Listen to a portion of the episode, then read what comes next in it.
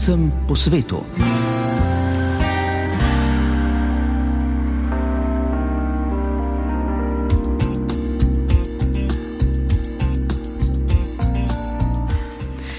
Lepo pozdravljeni v tokratni oddaji. Nocoj vas bom skozi njo vodila Živa Trček.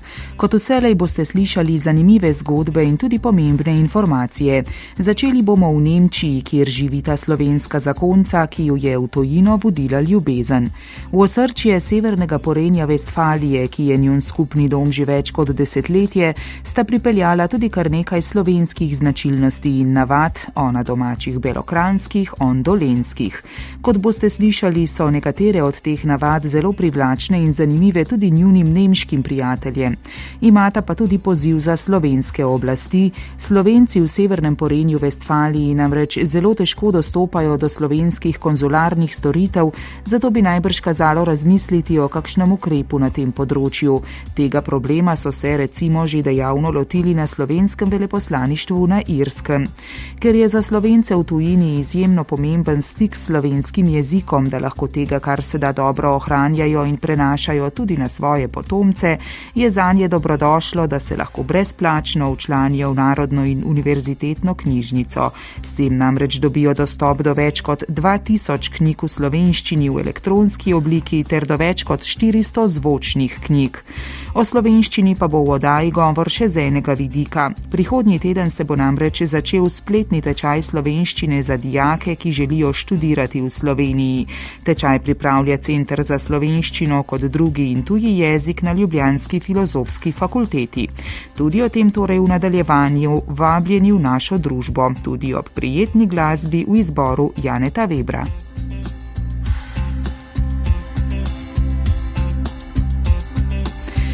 Odajo torej začenjamo v Nemčiji, kjer v mestu Firsen živita Darja in Rado brate. V severno porenje Vestfalijo ju je vodila ljubezen, na to sta si tam ustvarila dom. Z obema v Nemčiji rojenima hčerkama se pogovarjata slovensko, vozita ju tudi na dopolnilni pouk slovenščine in trud se obrestuje, pravita. V nemško okolje sta Darja in Rado vnesla tudi nekatere slovenske navade in tradicije, Darja Belokranske, Rado Dolenske. Oba dejavno sodelujeta v društvu Slovenski zvon iz Krefelda, kjer med drugim pripravljata dogodke za mlade in starejše, da bi se slovenska skupnost čim bolj povezala. Velika težava za slovence v severnem porenju Vestfaliji je, kot pravi ta oddaljenost do slovenskega veleposlaništva v Berlinu. Do storitev, ki jih lahko opravijo na konzularnem oddelku, jih namreč loči okoli 600 km, poleg tega so menda termini za naročanje hitro zasedeni. Tudi o tem sta Darja in Rado spregovorila na nedavnem srečanju slovencev v Bazmu. Darja in Rado, brate, pozdravljena pred mikrofonom prvega. Zdravo. Živijo. Ja, torej, vidva živita v Nemčiji, v severnem porenju v Vestfaliji, to je kakšnih deset ur vožnje od Slovenije, tam približno. Eh, Rado pravi, da že 22 let, Darja nekaj manj. Eh, kako sta prišla sem, eden iz Dolenske, druga iz Bele krajine? Kako vaju je pot vodila v Nemčijo in uh, zakaj, prav, zakaj prav to območje? Uh, mene je pot prinesla v Nemčijo, v bistvu ljubezen me je prinesla v Nemčijo. Uh, in sem se preselil pred 22 leti, tam, kjer je takrat stanovala moja žena. In sem se navadil na to okolje. Mi je postalo všeč in sem tu ostal. Potem se je ta zveza razdrla in sem čez nekaj let uvozil mojo Darjo. No in Darja, kako je vas vodila pot, torej sem tudi ljubezen? Tako. Um, Medva smo se tudi najdla um, v Sloveniji um, in je pač rado rekel, če hočeš biti z mano, moraš v Nemčijo. Malo sem razmišljala, precej um, in uh, se odločila, to je to in šla za njim. Ni bilo enostavno, uh, zdaj sem pa zadovoljna, da sem tukaj. No. Z vama tukaj sta tudi dve hčerki, a ne 8 in 10 let stari. Tako. Um, rodile so se nam. Obe dve so se rodile tukaj. Ja, ja in so tudi uh, dvojezično zrasle gor.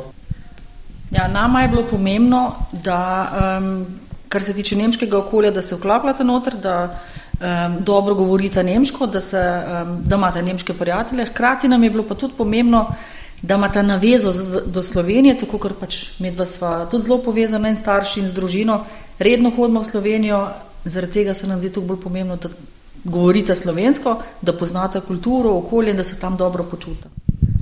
Nadarja sploh. Um, ko so otročki majhni, se pravi, ko so še dojenčki, nekako največ časa z njimi ponavadi preživijo mamice. A ste s hčerkama po slovensko govorili oziroma še vedno govorite slovensko s hčerama? Ja, um, nam obema je bilo zelo pomembno, da doma govorimo slovensko.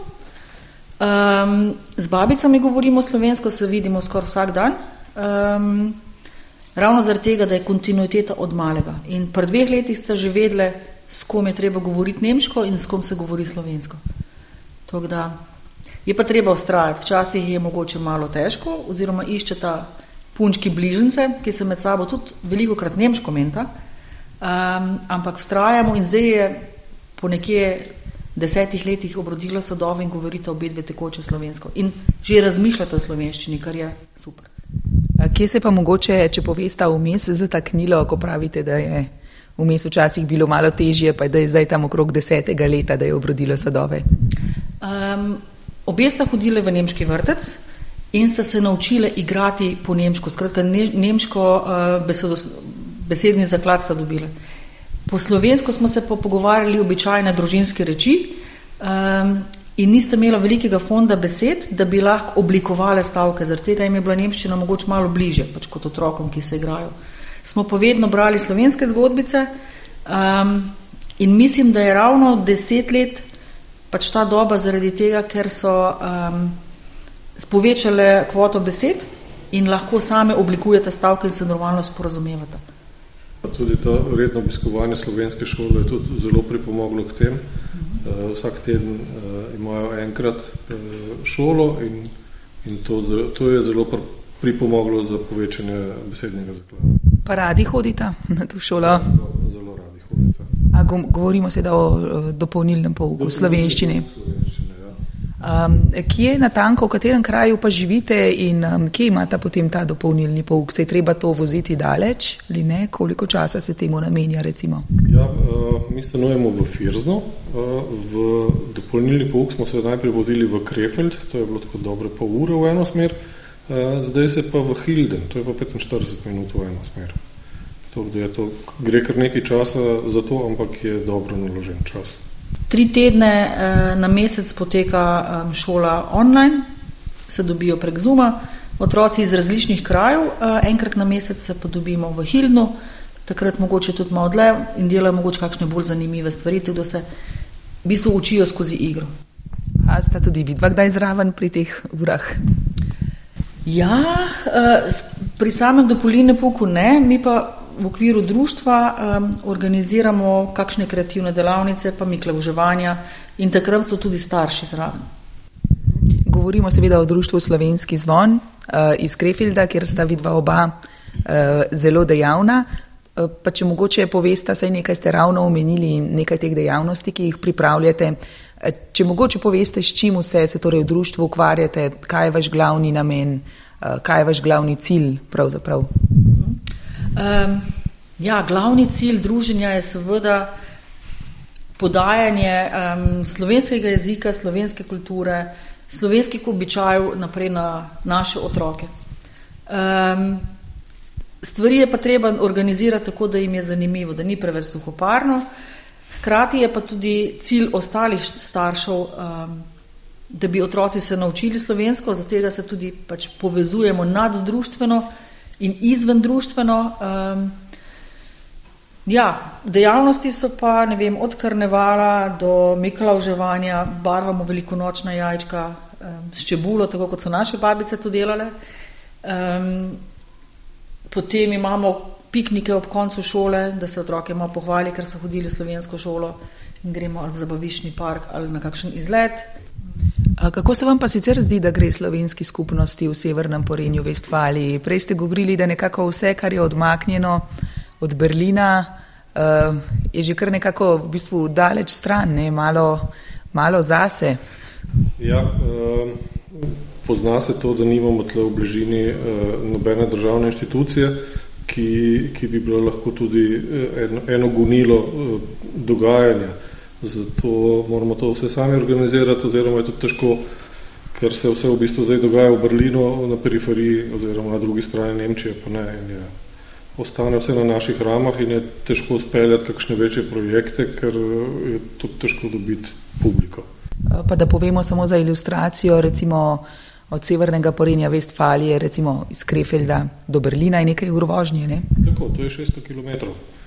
In uh, da bi se, uh, za, da, da, da bi se vozili v Berlin na prireditve, nam je to dva dni dopusta plus prenočitev, uh, ni tako enostavno. Poskušamo tukaj sami par manjših stvari speljati. No, pogovarjali smo se tudi o tem, da nekateri slovenci, ki tukaj na tem območju v severni, severnem porenju Vestfaliji živijo, pravijo, da so se tudi skušali recimo naročiti v Berlin na neke konzularne ure oziroma pa da nekako sploh niso prišli zraven, da so v bistvu v termini zasedeni in da nekako ne pridejo um, do tistega, kar bi potrebovali v bistvu od države oziroma od tega, kar jim lahko samo na konzulatu ponudijo. Ja, tako, uh, naj bi bili tudi konzularni dnevi v Dortmundu, samo ta zadeva ne funkcionira. Uh, ljudje nam sporočajo, da so poskušali narediti termin v Dortmundu in ga ne dobijo in tako, da se morajo voziti, če hoče kaj urediti v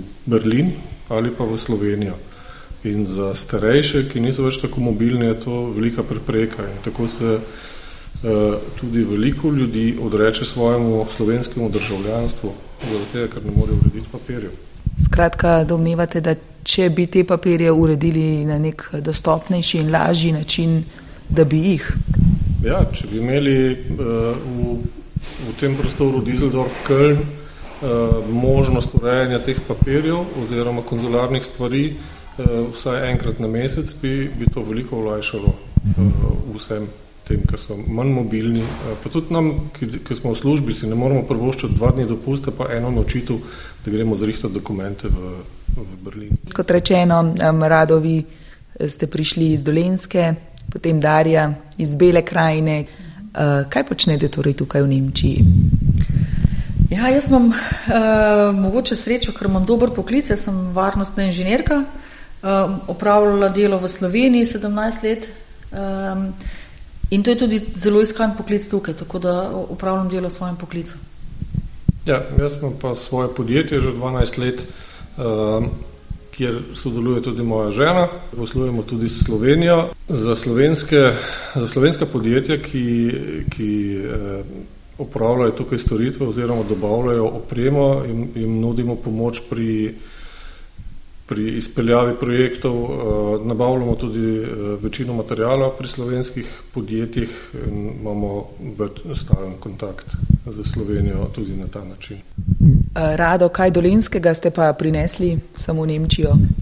Ja, iz Dolenske smo prinesli trte sabo. Ne. Imamo, imamo osem trt, ki jih lepo gojimo in so nam letos obrodile okrog 100 kg grozdja. A je to cviček?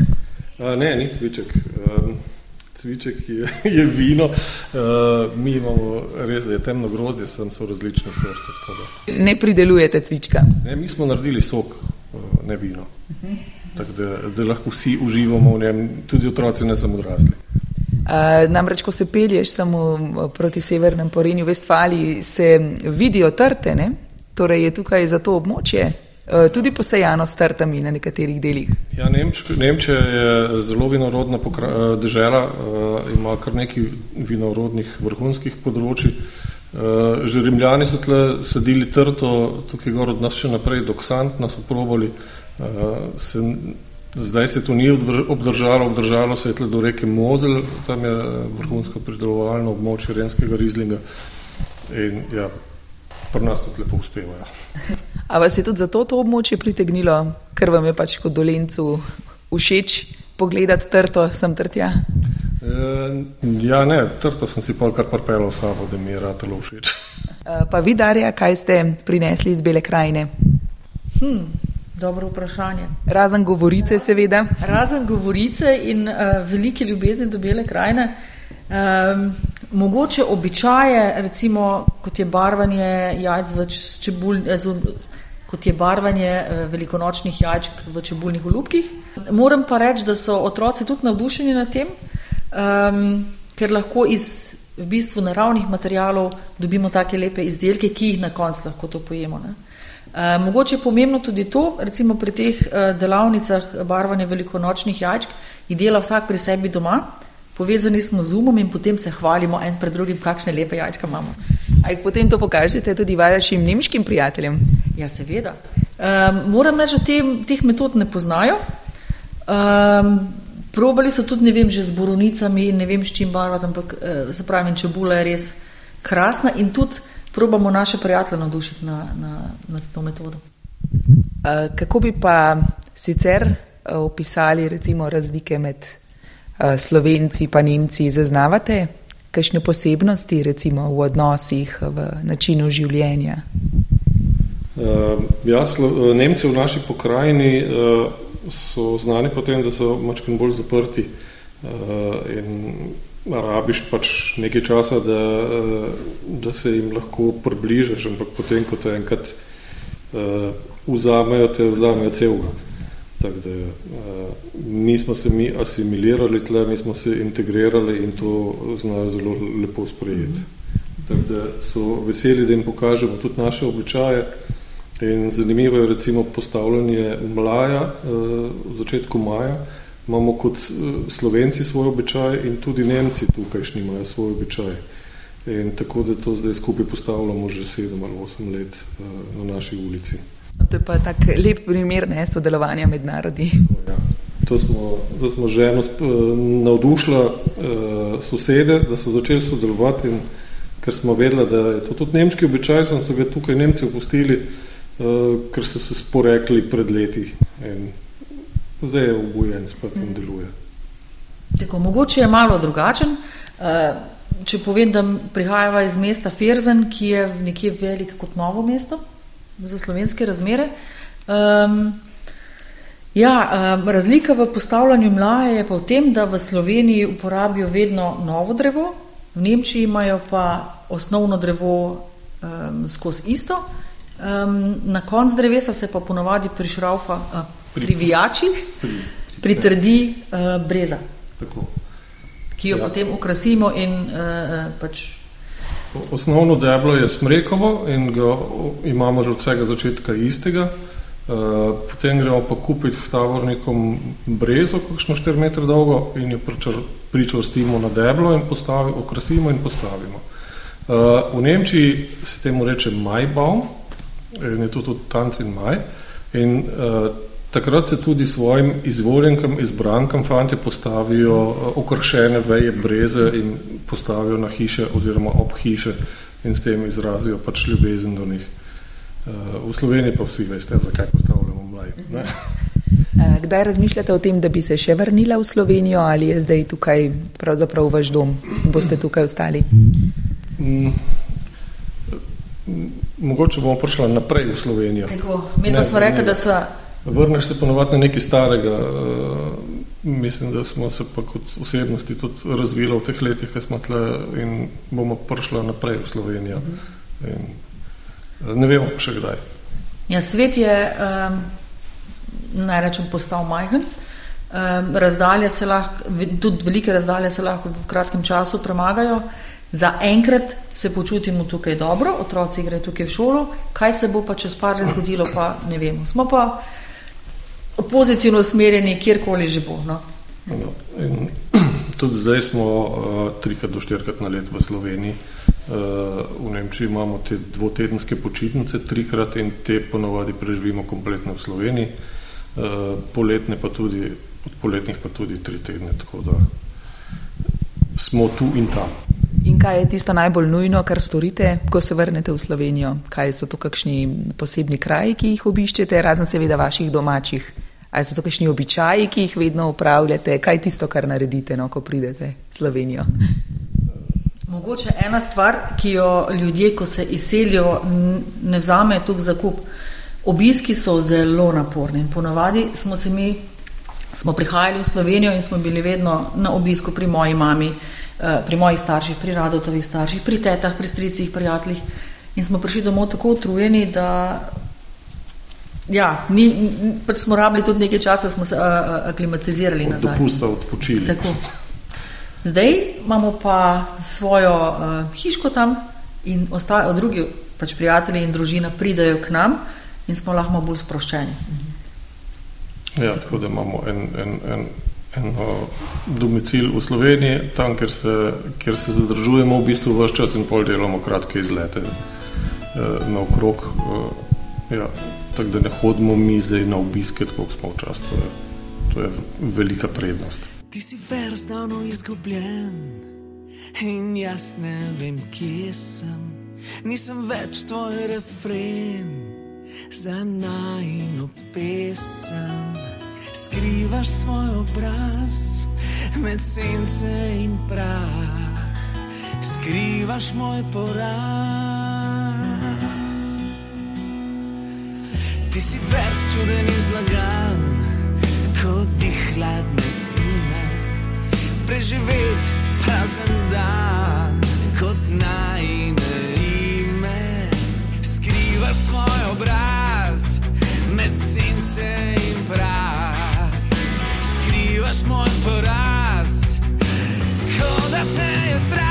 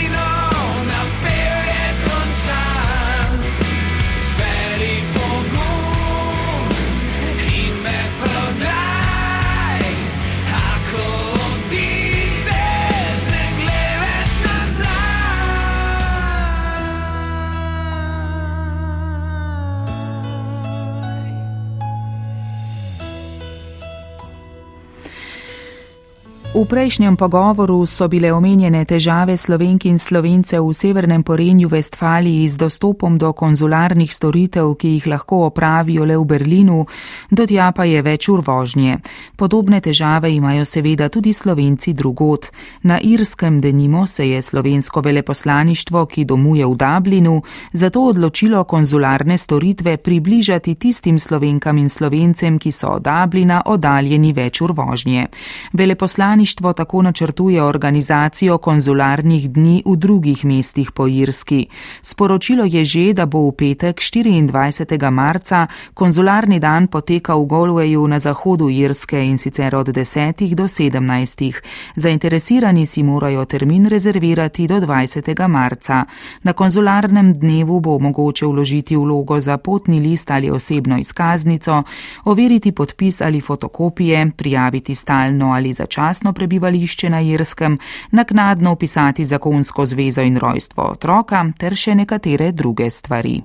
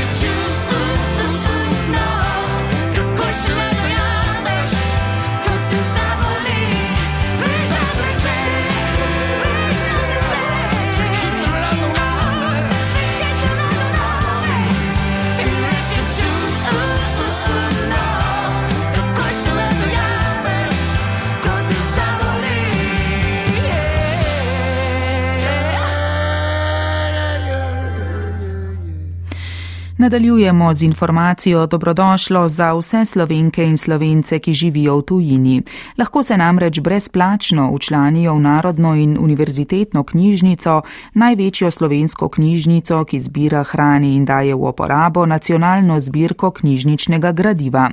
S članstvom v Nuku lahko slovenci na tujem izbirajo med več kot 2000 naslovi knjig v slovenskem jeziku v elektronski obliki.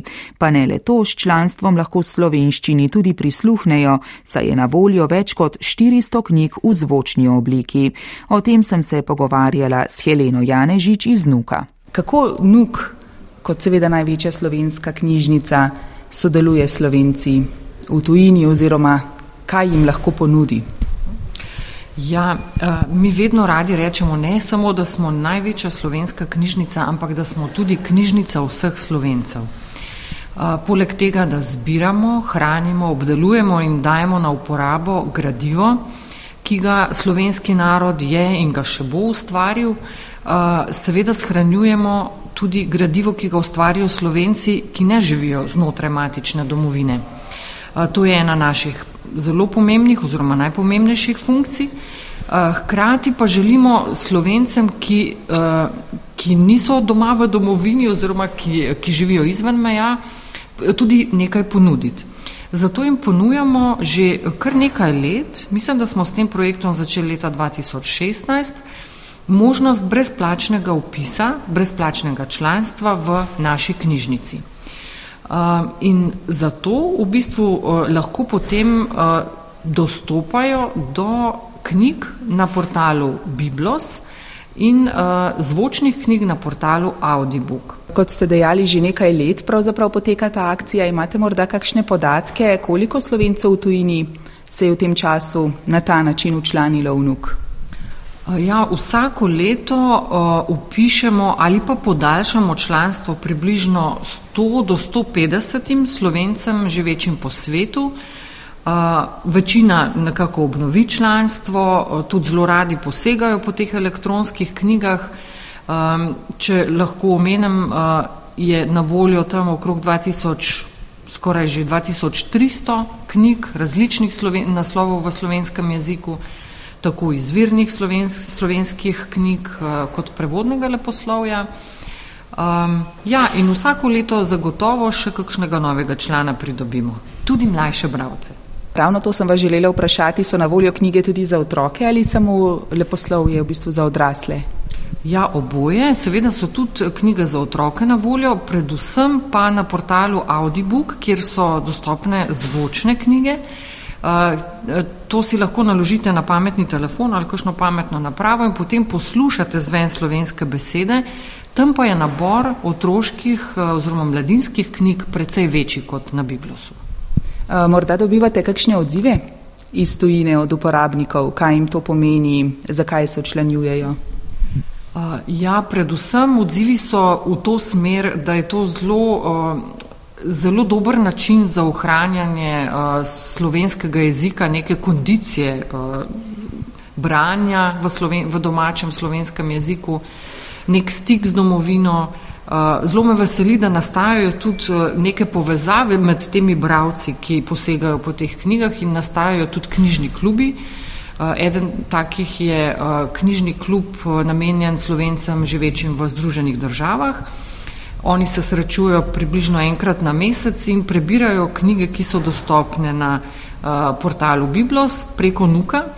Uh, govorijo o tej knjigi in seveda se pogovarjajo v slovenščini in načrtujejo nove bralne slovenske podvige. Čeprav razumem, ste torej nekako v stiku uh, tudi z omenjenim bralnim klubom oziroma so se obrnili na vas z nekimi komentarji?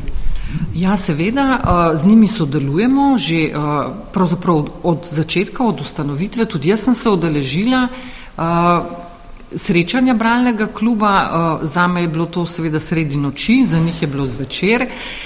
Ampak to srečanje je bilo res izjemno prijetno, ta izmenjava mnen, različni pogledi z druge strani sveta.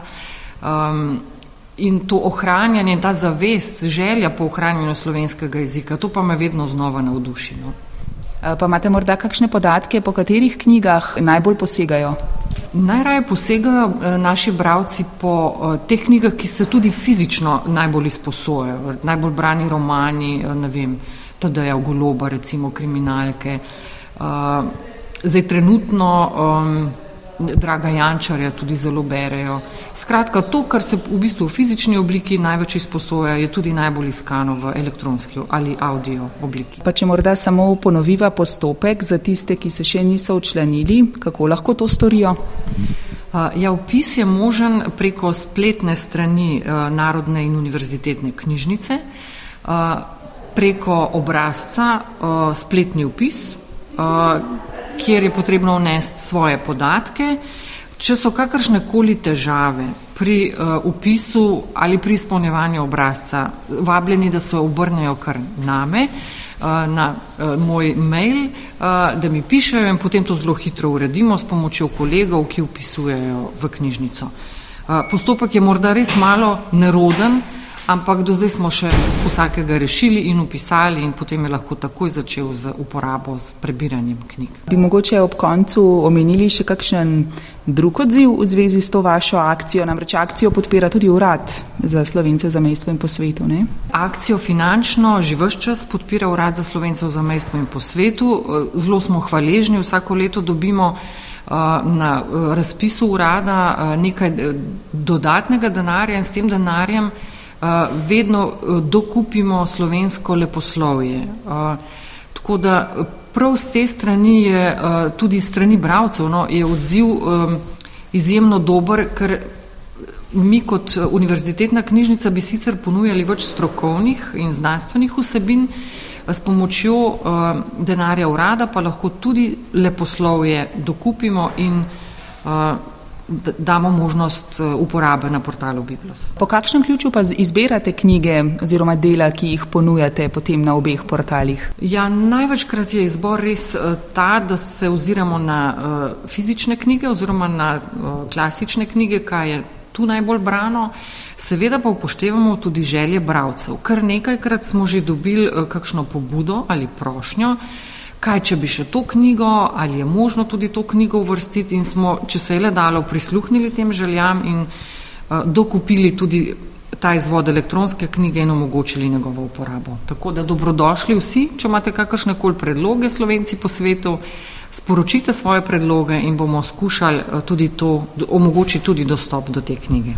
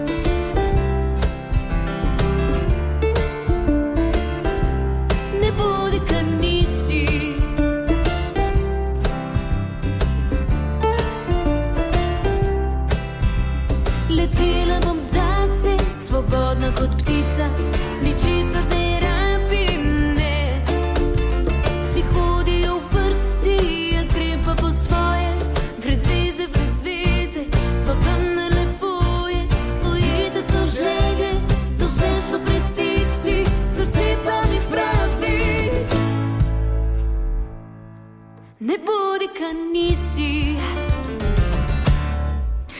Še ostajamo pri slovenščini. Prihodnji teden se bo namreč začel spletni tečaj slovenščine za dijake, ki želijo študirati v Sloveniji. Tečaj, ki bo dvakrat na teden prek spleta potekal do 6. junija, pripravlja Centr za slovenščino kot drugi in tuji jezik na Ljubljanski filozofski fakulteti. Namenjen je dijakom zadnjih letnikov srednjih šol, ki se nameravajo opisati na univerzo v Sloveniji.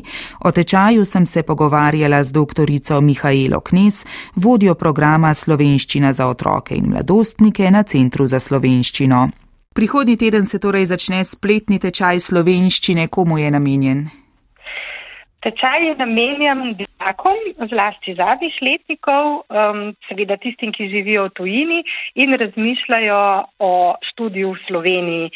Tečaj je neke vrste priprava na začetek študija, se van vključujejo zelo različni um, dijaki, se pravi, kar se tiče znanja slovenščine, nekateri so čisti začetniki uh, in je to pravzaprav njihov prvi stik slovenščino. Um, potem pa tudi dijaki, ki že zelo dobro znajo slovenščino, vendar morajo za opis na um, študijske programe, no, kot je naprimer medicina, prej opraviti uh, znanje slovenščine, izpiti se znanje slovenščine na ravni B2. Ne, za te dijake je pa to eh, neka intenzivna priprava na, na, ta, na ta izpit. Eh, spletni tečaj bo trajal tri mesece, ne? Tako, spletni tečaj traja tri mesece, um, od konca februarja do začetka junija uh, in poteka dvakrat na teden. Po tri šolske ure. Koliko učiteljev pa boste zagotovili v ta namen za te dijake? Um, vedno ne, oblikujemo pred začetkom tečaja skupine, glede na njihovo vstopno znanje. Dijaki vedno prej pišejo nek um, razvrstitveni test. Na podlagi tega tudi oblikujemo skupine in seveda vsako skupino uh, prevzame en učitelj, ker pa poteka pouk nadaljavo, je v skupini nekje do osem dijakov, ne, tako število nam nekako daje pri tem pouku nadaljavo tudi neke, neko um, optimalne rezultate. Um, seveda pa um, se, mi ne gre za neke množične prijave. V, v uh, preteklem semestru smo imeli dve skupini, v eni skupini štiri, so bili štiri dijaki, čisti začetniki, v drugi skupini je bilo pa šest dijakov, oziroma dijaki in te dijakinje so se pa vse pripravljale uh, na izpit na ravni uh, B2. Tako da tudi v nadaljevanju ne pričakujemo, da bomo imeli um, dve skupini, eno malo bolj začetniško in seveda eno skupino, v kateri bodo dijaki z višjim znanjem slovenščine. In torej to pomeni dva učitelja? Dva učitelja. Tako. Tukaj moram povedati, ne, da vsi dijaki, ki imajo uh, slovenske korenine, ne, um, se pravi, um, lahko zaprosijo za uh, štipendijo. Urad vlade Republike Slovenije uh, se je zelo um, velikodušno odzval na ta naš nov uh, program ne, in, in ga tudi finančno podpirajo, se pravi, ti dijaki imajo možnost, da prosijo za štipendijo uh, in v večini primerov, primerov jo tudi dobijo, medtem ko za tiste dijake, ki nimajo slovenskega porekla, te možnosti še ni. Eh, kakšna gradiva pa pri poučevanju uporabljate, glede na to, da gre za v bistvu neke specifične skupine, ne, se pravi mladih, ki bodo potem študirali v Sloveniji? A so gradiva temu potem prilagojena? In seveda, eh, pravzaprav vedno, ne glede na eh, skupino, ki jo učitelj dobi, vedno naredi pač nek individualen program za skupino. Pri začetniških skupinah večinoma poteka pouk po učnem gradivu čas za slovenščino, ki je namenjen um, najstnikom, ne prav tej starostni skupini oziroma tudi uh, dijakom in učencem, ki se uh, priseljencem, ki se vključujejo v slovenski šolski sistem.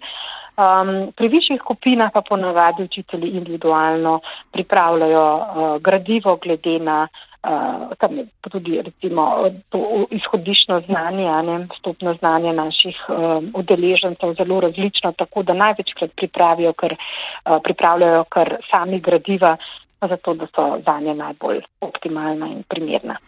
Pa imate morda kakšne podatke oziroma tudi izkušnje glede seveda na pretekle tečaje, kaj želijo v Sloveniji študirati ti dijaki, ki hodijo na to vrstne tečaje? Um, zelo, ponavadi gre za dijake, ki, so, v, v, ki dosegajo zelo dobre učne rezultate v svojih državah. Gre za zelo ambiciozne dijake. Um, največkrat se upisujejo na, na medicino, kemijo, um, na fakulteto za računalništvo. Um, različne programe, ampak um, načeloma pa je največ popraševanja Eh, po teh eh, študijskih smerih. Pri nekaterih, eh, na nekaterih fakultetah ne, je vstopni pogoj obvladovanje slovenščine na ravni B2. Na večini ne, študijskih programov pa imajo možnost um, dijaki koristiti oziroma se vključiti v tako imenovano leto plus. Se pravi, um, gre za dodatno leto študijsko, ne, v katerem imajo uh, študentje nekoliko manj študijskih obveznosti in tudi možnost, da obiskujejo lektorat uh, slovenskega jezika. Um, in uh, seveda se jim tudi ta lektorat uh, ovrednoti, kreditno ovrednoti.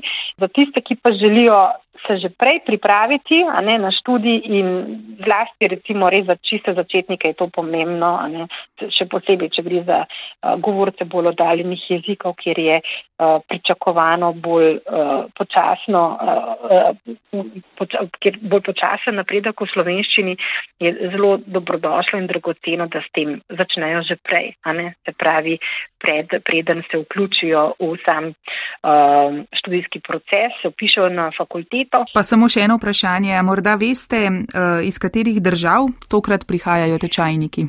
Uh, ja, večinoma iz držav bivših jugoslovanskih republik, se pravi iz Srbije, uh, Bosne in Hercegovine. Uh, drugače pa v preteklih imamo tudi uh, enega kandidata iz uh, Belgije, se pravi iz Bruselske evropske šole. Um, drugače pa uh, v preteklem tečaju smo pa imeli tudi ne, nekaj um, vključenih uh, dijakov iz Argentine, se pravi naših slovenskih rojakov iz Argentine. Um, Ki, ki so se tudi vključili v ta tečaj. Se pravi, tudi ne takrat, ko gre za bolj oddaljene države, se poskušamo uh, sto, sto urniki nekako uh, tudi spremljivi, no, tudi za te dijake, čeprav je to prilagajanje, ne glede na na, na čas uh, po različnih koncih uh, sveta, uh, ne kar, kar uh, velik izziv. Zaradi, zaradi časovne razlike. Tako, seveda, zaradi časovne razlike. Tako, tako. Uh, doktorica Mihajla Knes, najlepša hvala za te informacije. Ni za kaj. In seveda srečno pri vašem delu. Hvala, hvala tudi uh, vam, da se zanimate za to področje in da želite tole predstaviti tudi širši publiki. Mi bomo celo noč plesali.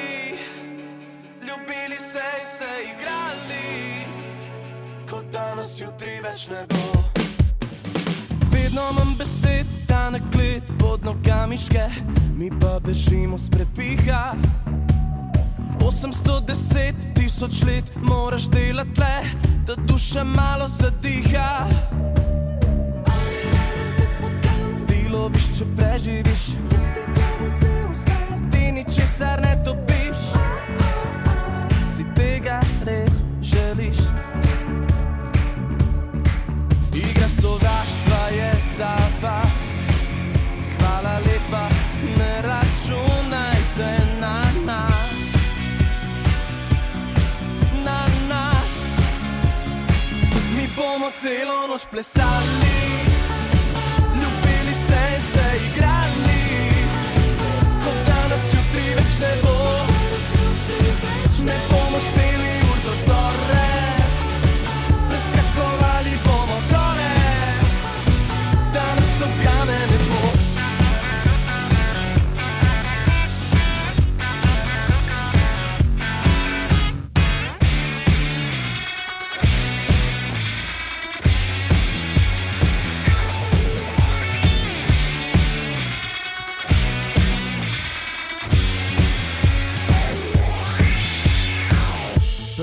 greš odplaknil v spobliž, da ne bi kradel magije, splesiš, tema bo prižgala žar v očeh.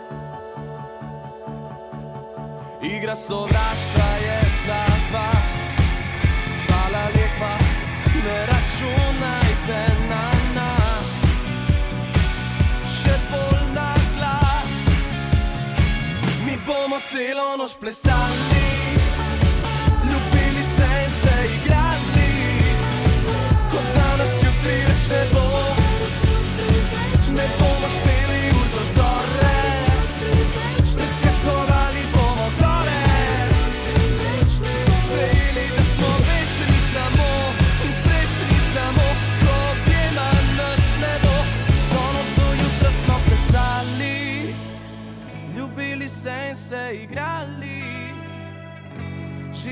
Kot da jutri nas mogoče več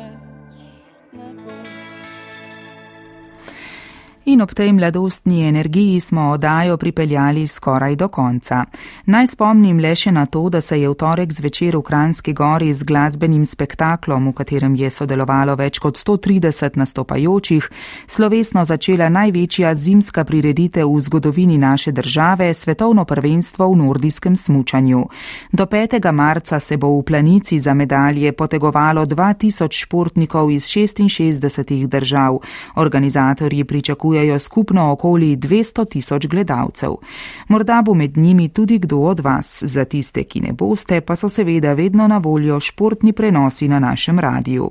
Z vami smo bili tokrat tonska mojstrica Mirta Berlan, glasbeni urednik Jane Weber in Živa Trček, ki sem pripravila in vodila odajo.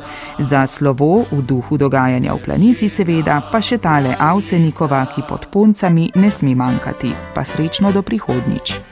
Planica, planica, snežina, kraljica, le kdo je ne pozna, lepoto iz snega.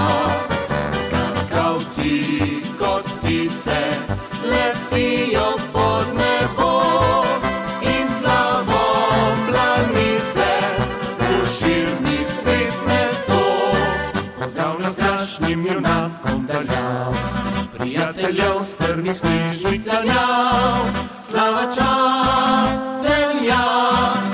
vsem skakalcem tega